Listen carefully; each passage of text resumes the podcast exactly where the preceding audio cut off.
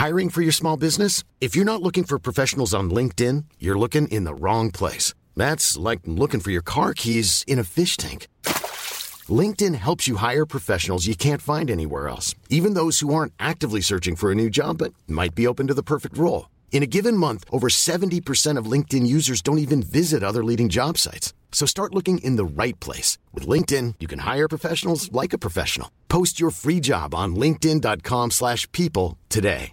It's that time of the year. Your vacation is coming up. You can already hear the beach waves, feel the warm breeze, relax, and think about work. You really, really want it all to work out while you're away. Monday.com gives you and the team that peace of mind. When all work is on one platform and everyone's in sync, things just flow wherever you are. Tap the banner to go to Monday.com.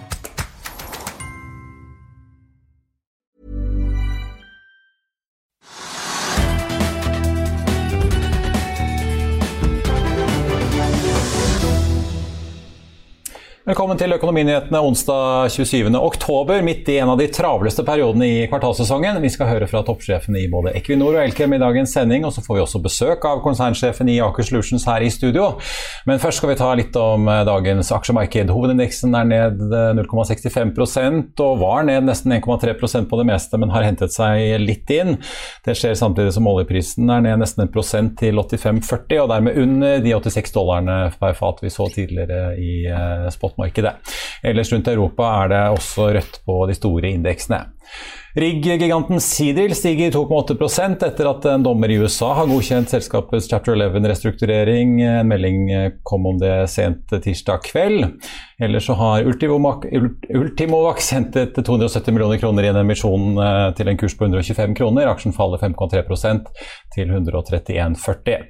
Ellers så har også Storebrand kommet med tall i dag. Selskapet fikk et resultat før amortisering på 912 millioner, ned fra 1,01 milliarder på samme tid i fjor fjor. Aksjen faller 1,1 Inkassoselskapet Axactor, hvor Jon Fredriksen er største eier, de melder at de omsatte for 78,1 millioner euro i tredje kvartal. Det er litt ned fra 83,3 for ett år siden.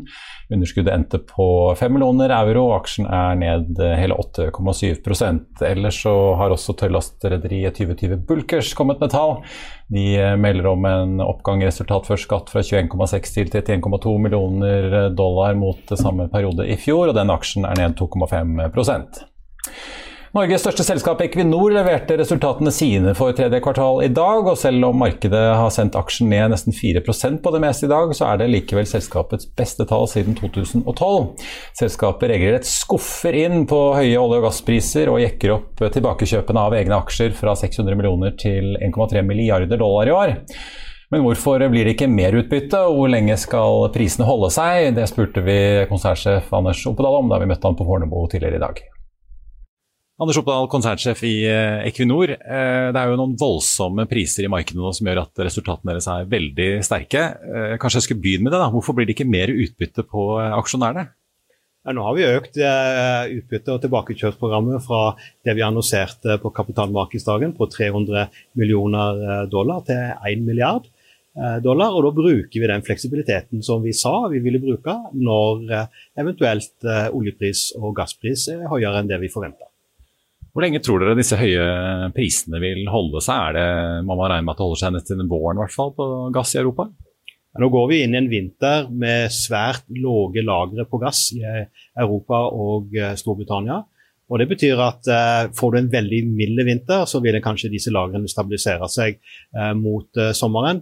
Men får vi en veldig kald vinter, eller en vanlig vinter for så vidt, så vil vi jo se at det vil være stramt marked på gass framover. Ikke minst fordi at det kommer så lite LNG-gass inn uh, for Asia støvsuger for så vidt det meste av LNG-en som, som, blir produsert for tida. Ja, apropos, Dere har jo eh, stengt på Melkøya etter denne brannen. Du sier nå at eh, dere håper å åpne det igjen i mars. Har du regnet på hvor mye profitt dere har gått glipp av ved at dette anlegget har vært stengt nå med disse høye LNG-prisene? Nei, det har vi ikke gjort med de svingningene i prisene. så har vi ikke satt oss ned og gjort Det Det får vi gjøre opp den eh, regninga etterpå. Nå, det Fokuset vårt nå det er å sikre en, eh, en sikker oppstart Jeg var selv oppe på Melkøya for et par uker siden og tilbrakte to dager der. Jeg møtte alle de ansatte og var ute på anlegget og, og så selv på hvordan eh, oppstartsarbeidet eh, eh, pågår. Og det er der vi har fokus nå.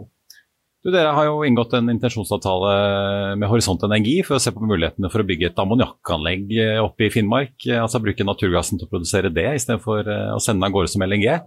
Er det et strategisk skifte på gang fra dere når dere ser på hvordan dere vil bruke gassressursene i Barentshavet i tiårene fremover? Dette er jo en del av eh, strategien vår, at vi skal bygge opp eh, flere opsjoner innenfor lavkarbonsegmentet. Eh, det å kunne tilby kunder dekarbonisert drivstoff er jo noe vi ser på. Bl.a. i, i Humber-området i Storbritannia. Og så er det også veldig artig at vi har eh, Barents Blue eh, på gang oppe i Hammerfest. Så får vi se hvordan det ender, men det er et veldig spennende prosjekt.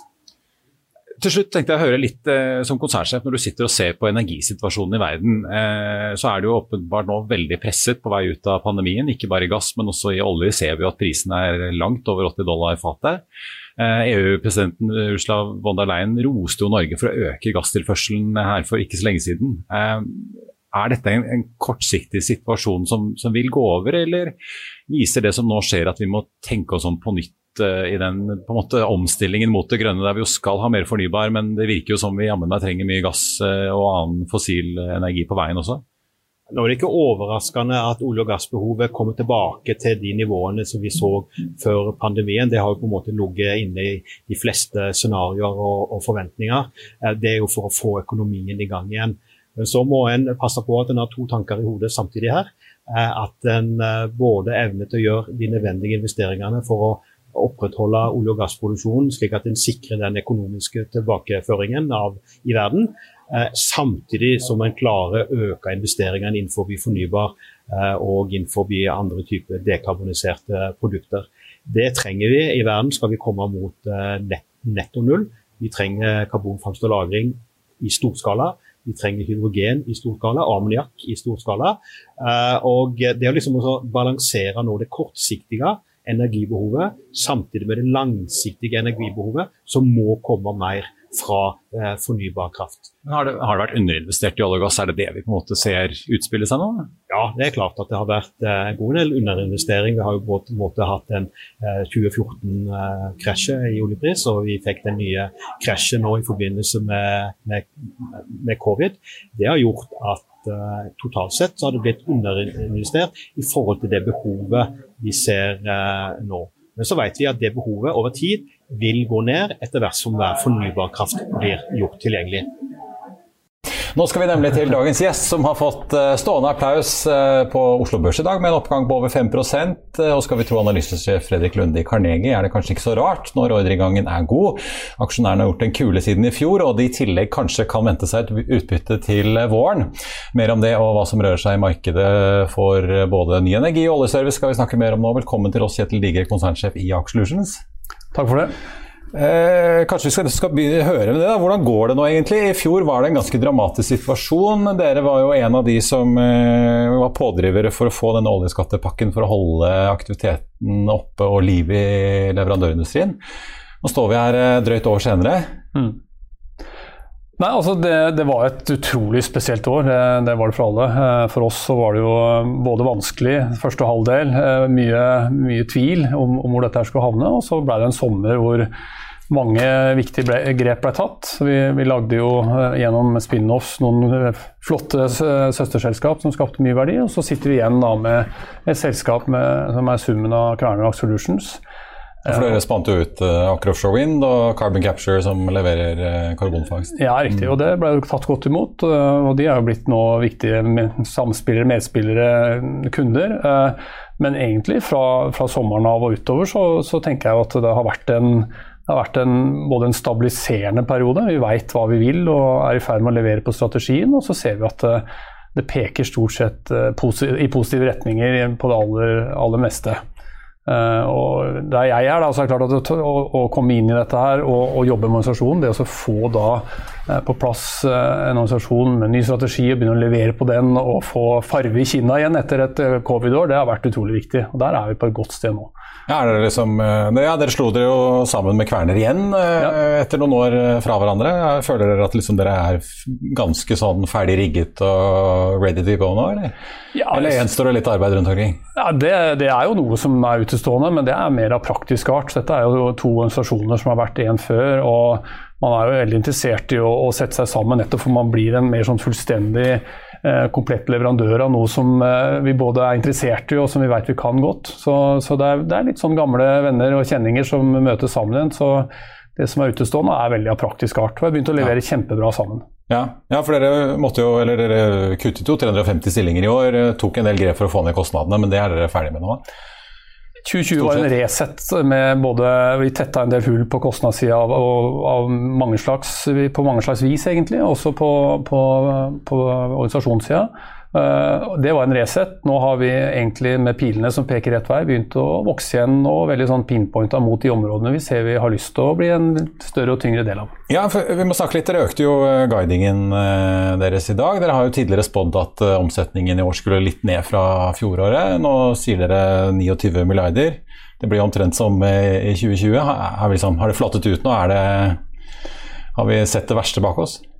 Ja, det tror jeg helt sikkert. Igjen så er det klart at eh, vi er jo noen av oss er forsiktige karer, liker å ha kontroll og så vite at vi nettopp har det før vi begynner å vokse igjen. og Det, det er egentlig hele strategien til Aksjelusen. At vi skal ha denne kjernekontrollen på virksomheten. og Så skal vi gradvis vokse inn i nye områder og også øke størrelse. Eh, og så også da på, på inntektssida at vi har mm. sikkert vært forsiktige, og nå ser vi at eh, det også peker rett vei. Ja, for du har allerede for 2022 sikret deg litt over 24 milliarder, i hvert fall basert på ordreboken din. Ja. Tror du det blir eh, økt omsetning neste år, sånn summa summarum? Det tror jeg. Det ja. tror det, vi har jo guida i dag på at eh, den går opp 15 eh, og ja, Igjen så, så er det et, et, tall som peker i rett retning. Vi har sagt at vi i snitt skal øke 10% mot 2025. og det, det er, vi er på, på plan, on track for det. Eh, og vi ser en annen ting med den veksten, at det skjer i henhold til strategien. Det skjer på tvers av de segmentene vi har etablert, og mye mot olje og gass, men også de fornybarområdene som som vi er inne i allerede. Så det er gledelig. Ja, for eh, La oss snakke litt om uh, nettopp det. Altså, dere er jo i gang, altså, Mange kjenner dere jo som en leverandør av, både subsea-systemer til olje og gass, og ikke minst også plattformdesign. Dere ligger jo an til å sikre dere enorme kontrakter på både Wisting og Noaka-feltene til Equinor og Aker BP. Det er jo fort 10 milliarder på hver av de to. Eh, og kanskje mer. Eh, hvor mye driver de i denne veksten som dere har, da, versus eh, omforme plattformer og havvind og alt det andre dere også ja. satser på? Altså Det der er jo kjernevirksomhet. og vi, vi, er jo en gjeng med operatører, ingeniører og økonomer som, som, på en måte leverer industriprosjekt. og da Mot olje og gass så er jo det det er det vi kan, og vi er stolte av det vi kan gjøre der. Og er jo med på de mest komplekse oppgavene, RF, det du, du, du, nå sier. Men vi har jo sagt det at eh, innen 2025 så skal en tredjedel av inntektene våre komme fra fornybar og, og lavkarboninitiativ mot olje og gass. Og det, Vi er godt på vei til å, til å nå de måla. Og skal vi vokse videre med, mot 2030, eh, og da skal det utgjøre to tredjedeler. Det sier jo litt, og det sier jo litt om da, på en måte, endringstakten vi er, er inne i nå. Da. Ja, for Blir det nok volumer for dere på andre ting? Hvis, uh, altså, det blir jo selvfølgelig spekulasjon om hva som eventuelt finnes og, og blir oppdaget noen sjokker, da, mens mm, Wisting mm. og Noaka kanskje blir uh, to av de siste store nye oljefeltene som bygges ut. Da er det jo slutt på disse kjempekontraktene på 5-10-15 milliarder til dere og andre som Able og andre i bransjen. Liksom, dere, ser dere nok volum innen havvind og disse omformerplattformene og, og mindre subsea-installasjoner til å oppveie for det? Altså Hvis du zoomer ut, så er det klart det at uh, svaret på om det går fort nok og er nok mat for sånne som oss, det, det ligger jo også i hvor kjapt man agerer på klimautfordringen og lager politikk ut av det, som også da gir en horisont som vi kan agere på. Så det er klart Både volum og hastighet på initiativ som vi kan følge opp med, med løsninger og kontrakter, er viktig. Uh, det gjelder Norge, og det gjelder, gjelder andre steder. Uh, og så er jo vi veldig norsk, norsk bias, selvfølgelig, men samtidig vi har vi et globalt fotavtrykk. Og vi ser jo at nå olje og gass kommer tilbake i de regionene vi er i. Uh, og vi jobber med å få en enda mer sånn internasjonal variant av en leveransemodell. Så er, vi er ikke bare avhengig av det som skjer i Norge, selv om det jo er utrolig viktig for oss både når det gjelder olje og gass og de klassiske leveransene, men også endringsagendaen vår. Da. Ja, Dere har jo sikret en kjempekontrakt på gasskompresjon til Chevron i Australia på dette Janslo-feltet, eh, som ja. man begynte med på Oscar. Det, kan det bli en sånn lang hale av utenlandske olje- og gassprosjekter eh, som kanskje lever lenger enn norsk sokkel? Hvis du ser hva som har skjedd nå, med at eh, Norge hegner om et Oscar og setter verdensrekorder nettopp på, på subsea-teknologi, som vi gjorde der, sammen med, med kunden Equinor, og når det da kan overføres til å bli en eh, take two på andre siden av jordkloden sammen med Chevron i Australia, så syns jeg det er en utrolig flott historie.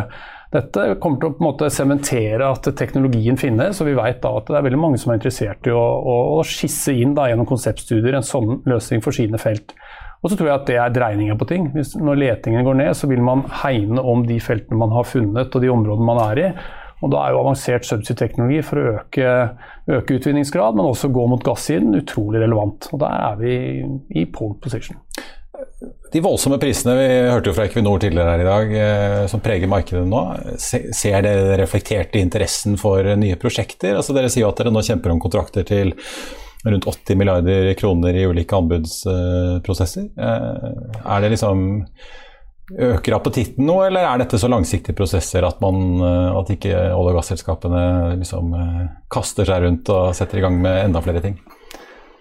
Kanskje et, et sånn faset eh, svar fra min side. for det, det, ble jo, det, ble jo, ganske forutsigbart med, med den aktivitetspakka fra, fra norsk side. Da. Og veldig mye av det vi gjør, er jo sikta mot den. Eh, og det var jo ikke 80 eh, når resten av verden våkna også, når Brasil og andre regioner begynte virkelig å få fart på prosjektene sine. Så det, så det begynte nok allerede å skje, men det kan jo hende at herfra ut at vi, at vi ser at veldig mye mer kommer tilbake. Vi har veldig mye som er aktuelt for oss, og sånn sett noe å vokse rundt i henhold til strategien. Så, så jeg er fornøyd med, med, den statusen vi har nå. Eh, hvis man så i statsbudsjettet, så var det jo flere prosjekter der som har bikket over budsjetterte kostnader. Overskridelsene som kom på toppen nå var 18,8 milliarder kroner. Mm. Et par av de er jo dere involvert i, bl.a. Njord, som har blitt veldig mye mer omfattende. altså den opprustningen av Njord-feltet. Det tjener selvfølgelig dere veldig godt på, for dere har jo masse mer å gjøre enn det man først uh, trodde. Men eh, er det en fare for at de kostnadsforbedringene som næringen har på en måte levert siden 2014, begynner å glippe litt, eller er dette bare engangstilfeller? Altså jeg tror vi i hvert fall skal sitte ned og kunne klare å lage gode forklaringer på hvorfor f.eks. Njord blir som det blir. Eh, det er noe med å, å, å pusse opp et, et, et, eldre hus kontra det å bygge et nytt. Eh, og hvordan vi tar fatt på sånne typer oppgaver sammen, det skal vi lære mye av. Eh, og, og så er det ingen av oss, og oss inkludert, ikke tjent med egentlig at vi ikke er på det nivået som vi faktisk har klart å etablere gjennom noen år nå. Det er bra for olje og gass, for terskelen blir på en måte lav nok for å trigge de rette prosjektene. Og Det gjør at vi på en måte har enda større relevans når vi skal ta en overgang mot fornybar, hvor, hvor eh, løsningene er enklere og, og, marginene kanskje er litt annerledes. Så um, Vi har ikke råd til noen kostnadsspiral feil vei, og jeg tror vi, et sånn ja-nei-svar på et spørsmål er at jeg tror det er engangstilfeller. Mm. På fornybarfronten, dere er jo engasjert i både havvind, dere driver med karbonfangstanlegg for da, Aker Carbon Capture. Uh, dere holder på med omformerplattformer, også subsea-omformeranlegg. Mm. Hvordan blir det for dere tror du fremover? Altså, skal dere på en måte drive med alt dette, eller vil noen av disse på en måte, produktkategoriene stå frem som de løsningene som vinner?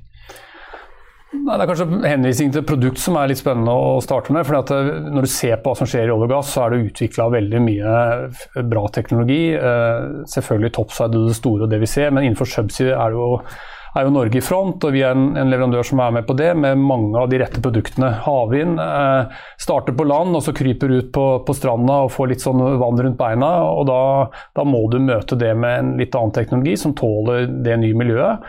Og havvind kryper jo enda lenger ut. Og med en gang det blir dypt nok og bølgene er store og ting må flyte, så er du egentlig der hvor olje og gass eh, Det har dere gjort før, som de heter? Ja. ja, da møter den verden egentlig havvind. Og da begynner subsea-teknologiløsninger å bli veldig veldig relevante. Så det, igjen, Jans nevnte du mange av komponentene fra et Jans. Hvis du dekomponerer det og setter inn i en, eh, en annen setting, så er det relevant for uh, nye havvindløsninger. Så vi ønsker å bygge på olje og gass og sørge for at det blir relevant for disse fornybare vertikalene som vi også jobber med. Kjetil, til slutt må jeg jo eh, spørre om, altså Du har 3,5 eh, milliarder kroner på bok og nok av kreditt å trekke på også, så du har jo egentlig 8,5 milliarder eh, hvis det trengs. Fredrik Lunde i Karnegie var jo innpå det og spådde at her kommer det utbytter til våren. Hva sier du til de aksjonærene eller potensielle investorene som lurer på om det blir et utbytte-comeback for Aksjelutions? Tror, altså det aller aller viktigste, og den jobben jeg gjør 24-7 sammen med hele organisasjonen, er å sørge for å, å gi styret og andre muligheten til å, å tenke i de baner. Uh, og det kommer ikke av seg sjøl. Uh, jeg syns vi er på rett vei i forhold til å, å, både få kjernevirksomheten på et godt sted og sørge for at det er forutsigbart og, og vi tjener det vi skal med gode marginer.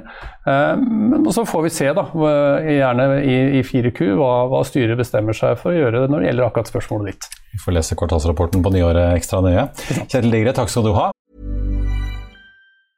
Mother's Day is around the corner. Find the perfect gift for the mom in your life with a stunning piece of jewelry from Blue Nile. From timeless pearls to dazzling gemstones, Blue Nile has something she'll adore. Need it fast? Most items can ship overnight. Plus, enjoy guaranteed free shipping and returns. Don't miss our special Mother's Day deals. Save big on the season's most beautiful trends. For a limited time, get up to 50% off by going to Bluenile.com. That's Bluenile.com.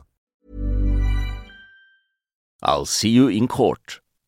Vi sier det ofte litt på spøk, men for deg som driver business, er det aldri moro å innse at du ikke har laget en 100 gyldig kontrakt. Du bør ikke risikere hele firmaet ditt fordi du synes dette med kontrakter er litt stress. En avtale er ikke en avtale.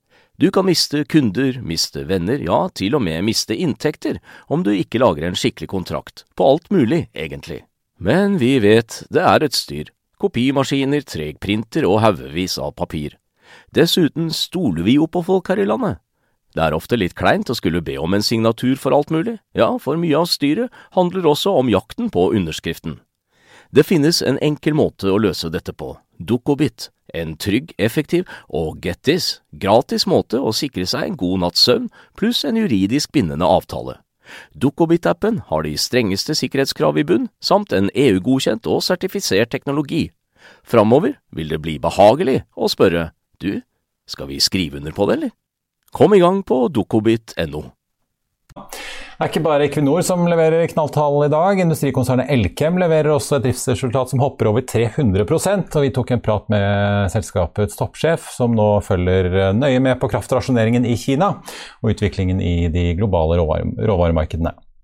Helge Aasen, konsernsjef i Elkem, takk for at eh, du er med oss. Eh, jeg tenker jeg må nesten begynne på at, eh, med nettopp det at du er konsernsjef. for Det jo, ble jo nå i oktober klart at du, du, tar over igjen på permanent basis. Du var jo konstituert sjef fra juni, men mange husker jo at du var jo konsernsjef i Elkem i, i ti år, frem til 2019. Hva gjorde at du følte deg kallet og takket ja til å kaste deg på en ny periode? Det kom jo, det kom jo ganske brått på i, i juli, når uh, han uh, Michael König bestemte seg for å slutte på kort varsel. Så, så jeg sitter, satt jo på det tidspunktet i styret og ble bedt om jeg kunne tenke meg å komme tilbake og iallfall fungere midlertidig. Så i løpet av ganske kort tid så ble det og ganske klart at styret gjerne ville at det skulle fortsette, så vi hadde noen samtaler om det og fant ut at, uh, at det kunne være en god løsning. Så, og jeg er veldig motivert for å ta et tak til i Edcam. Det er jo et spennende selskap med store muligheter. og Vi står jo midt oppe i transformasjonen uh, som alle andre, så, så det, er mye, det, er mye, positivt på gang, syns jeg. Og, og kjempebra organisasjon. Ja, Hvor lenge har du tenkt å holde på, eh, ser du for deg? Nei, dette er permanent. Og i, i, i en sånn sammenheng så er det permanent så lenge inntil nå blir bestemt. Men eh, jeg har ikke, noe, jeg har ikke lagt noen spesiell tidsplan for det. Ja, apropos, jeg hører med disse... Jeg er 58 år, så jeg har litt å gå på ennå. ja. Apropos det, jeg må høre med denne nye klimaplanen som dere har eh, annonsert. Det er jo eh, mange selskaper eh, som måler litt forskjellig. Dere sier at dere skal kutte 39 eh, nå egentlig dette tiåret, og da gå mot null i 2050. Eh, Hvor krevende blir det for dere egentlig?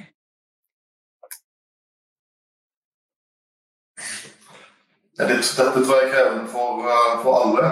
Vi har jo lagt oss litt ekstra frampå med å, å, å kommentere oss til 28 i absolutte termer. samtidig som vi skal ha, ha planlegge for vekst. Så, men vi har ganske klart veikart fram mot 2030, der mye av effekten vil tas ut i form av konvertering fra fossile karbonkilder, som er en viktig del av, av innsatsfaktoren i smelteovnsprosessene, og så bytte det ut med biomasse. Um, og så vil det jo bli mye fokus etter hvert på såkalt scope 3-utslipp. Men eh, skal vi nå helt fram til nullutslippsscenario, så, så vil det forutsette karbonfangst og, og lagring, eh, eller iallfall karbonfangst i en eller annen form. Og, og det må det utvikles teknologi for. Du, vi må snakke litt om disse rekordresultatene som dere rapporterer i dag. Eh, dere er jo ikke alene om å melde om nye rekorder. Eh, Equinor har jo meldt om det beste resultatet sitt siden 2012 i dag. Hydro meldte om veldig gode tall i går. Eh, er det sånn med dem at det er råvareprisene som gjør at dere kan levere så gode tall som dere gjør nå, eller er det noe annet? Ja, det er jo det. det Elkem har jo en miks av spesialprodukter og, og commodity-produkter. Og det vi har sett nå eh, i, eh, etter at pandemien gradvis har gått over, er jo at det har vært mye flaskehalser og knapphet på innsatsfaktorer.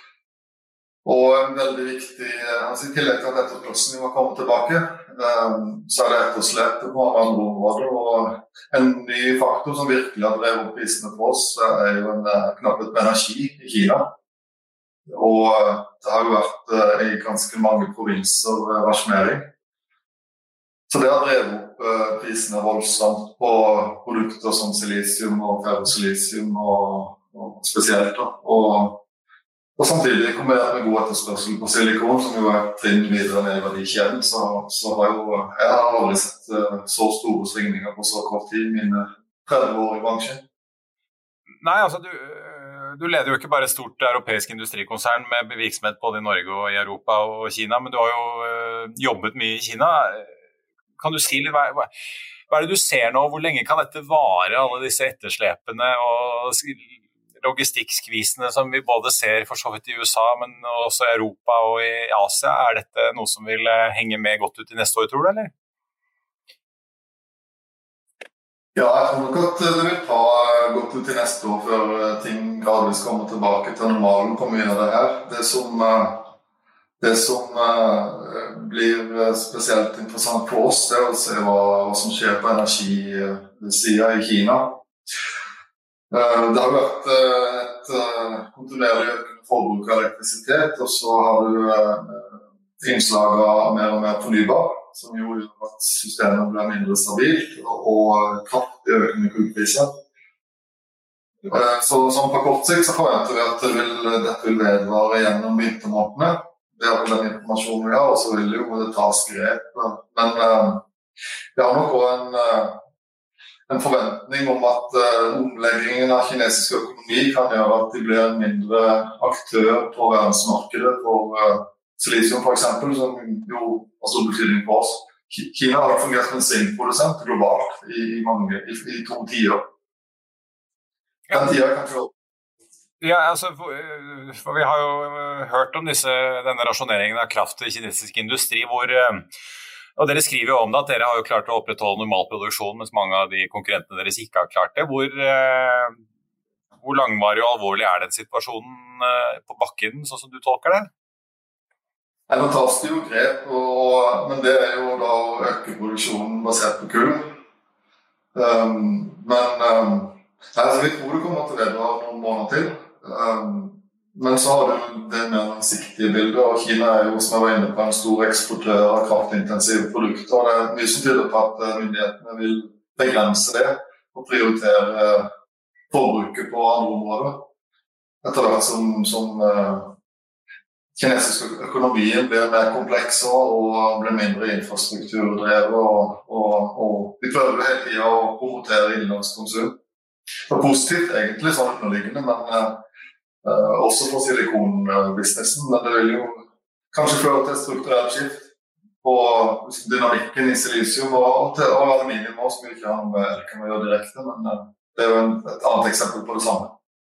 Ja, og apropos, uh, apropos det, holdt jeg på å si, dere prøver jo nå å bygge opp en ny batterivirksomhet uh, altså, hvor dere skal bygge en fabrikk på Herøya uh, gjennom dette Vianode-selskapet deres for å levere inn til batteriindustrien. Etter planen skal dere investere 10 milliarder kroner i dette prosjektet. Hva er status på det nå? Går det som planlagt, eller? Ja, det går faktisk veldig, veldig bra. Det er jo eh, fremdeles på et, i en utviklingsfase med pilotanlegg eh, i Kristiansand som nå går på fullt. Og Der driver vi med teknologi- og prosessverifikasjon, egentlig og danne designunderlag for å bygge en større fabrikk. Og så er det kundekontakt og, og verifikasjon av produkt og, videre som, som pågår i parallell. Så har vi bestemt oss for å ta et sånt mellomsteg som vi kaller nå fase 1 eh, i, eh, i, på veien fram mot uh, storskalaproduksjon, der vi planlegger å bygge en, en 4000-5000 tonns, tonns anlegg på Herøya som, som, kan bli ferdig iallfall et år før, før, en større fabrikk. og mål, Målsettingen med det er jo å, å komme raskere i markedet og en plattform for teknologiutvikling eh, fremover i tid. Og så ønsker vi å invitere med oss partnere eh, i, i, denne satsingen, så vi holder på med vi er midt oppi den prosessen nå samtidig. Vi håper vi får tatt en sånn beslutning i løpet av året. Det er iallfall vår målsetning i administrasjonen. Ja, er det, ønsker dere da, er det børs, eller skal dere invitere med andre investorer på en måte ut, uten Ja, det er det snakk om ja, jeg snakker ikke om børsnotering. Det kan jo komme på et senere tidspunkt. Men, uh, men nå er det egentlig å danne et veldig solid grunnlag for å ta en beslutning om storskalaanlegg i, forhåpentligvis i 2023. Og da snakker vi om å bygge 50 000-60 000 tonn og investeringer uh, i eh, 10-12 milliardersklassen. Og vi tror jo at for, det første det er ikke noe Elkem ville gjort på egen hånd eh, uansett, men vi tror at dette, denne industrien kommer til å være preget av ganske integrerte eh, verdikjeder. Så vi posisjonerer oss nå allerede nå for, eh, med partnere. Helge Aasen, konsernsjef i Elkem, takk skal du ha. Norwegian-aksjen hoppet over 2 prosentpoeng i dag, til 4,13 etter meldingen om at Norwegian har inngått en intensjonsavtale om å lease inntil 13 Boeing 737-800 fly til i en periode på 5-8 år fra leasingselskaper som Norwegian har hatt avtale med før. Det er ikke snakk om det nyeste Max-flyet fra Boeing som konkurrenten Flyr har sikret seg, men Norwegian skriver at de har mulighet på enkelte av leasene til å oppgradere til enten Boeing eller Airbus sine siste modeller. Flyene som er listet inn skal leveres fra fjerde kvartal i år til første kvartal neste år, og skal altså da være i drift til neste års sommersesong. Norwegian påpeker også at de for disse flyene også har sikret seg såkalt Power by the Hour, som betyr at de både denne og neste års vintersesong kun betaler for å bruke flyene når de er i bruk.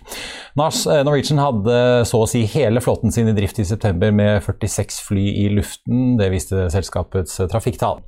Nå har børsene i USA åpnet åpnet, og vi får ta en titt på hvordan eh, de har gått så langt. Det er jo fortsatt rødt i, eh, på de store indeksene rundt i Europa, men i USA har det altså åpnet opp med 0,13% på Dow Jones, 0,5 på Nasdaq og 0,2% på SMP 500. Vi får også ta med at Norwegian er opp 3,8 etter den meldingen som kom eh, like etter eh, klokken tre. Ellers så er hovedindeksen ned 0,46% og den tynges jo da av at Equinor eh, fortsatt er ned nesten 2 i dag. Norsk Hydro er ganske kraftig ned med en nedgang på 5 Ellers så får vi også ta med at uh, Kjetil Digres Aker Solutions uh, fortsetter oppover og er nå opp 7,6% for dagen.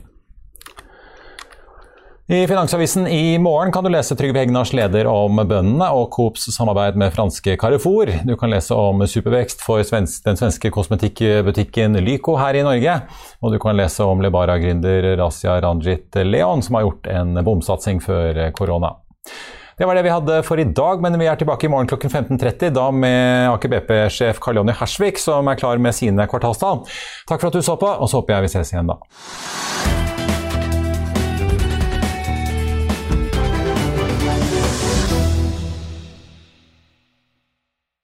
Økonominyhetene er en podkast fra Finansavisen. Programledere er Marius Lorentzen, Stein Ove Haugen og Benedikte Storm Bamvik. Produsenter er Lars Brenden Skram og Bashar Johar. Og ansvarlig redaktør er Trygve Hegnar.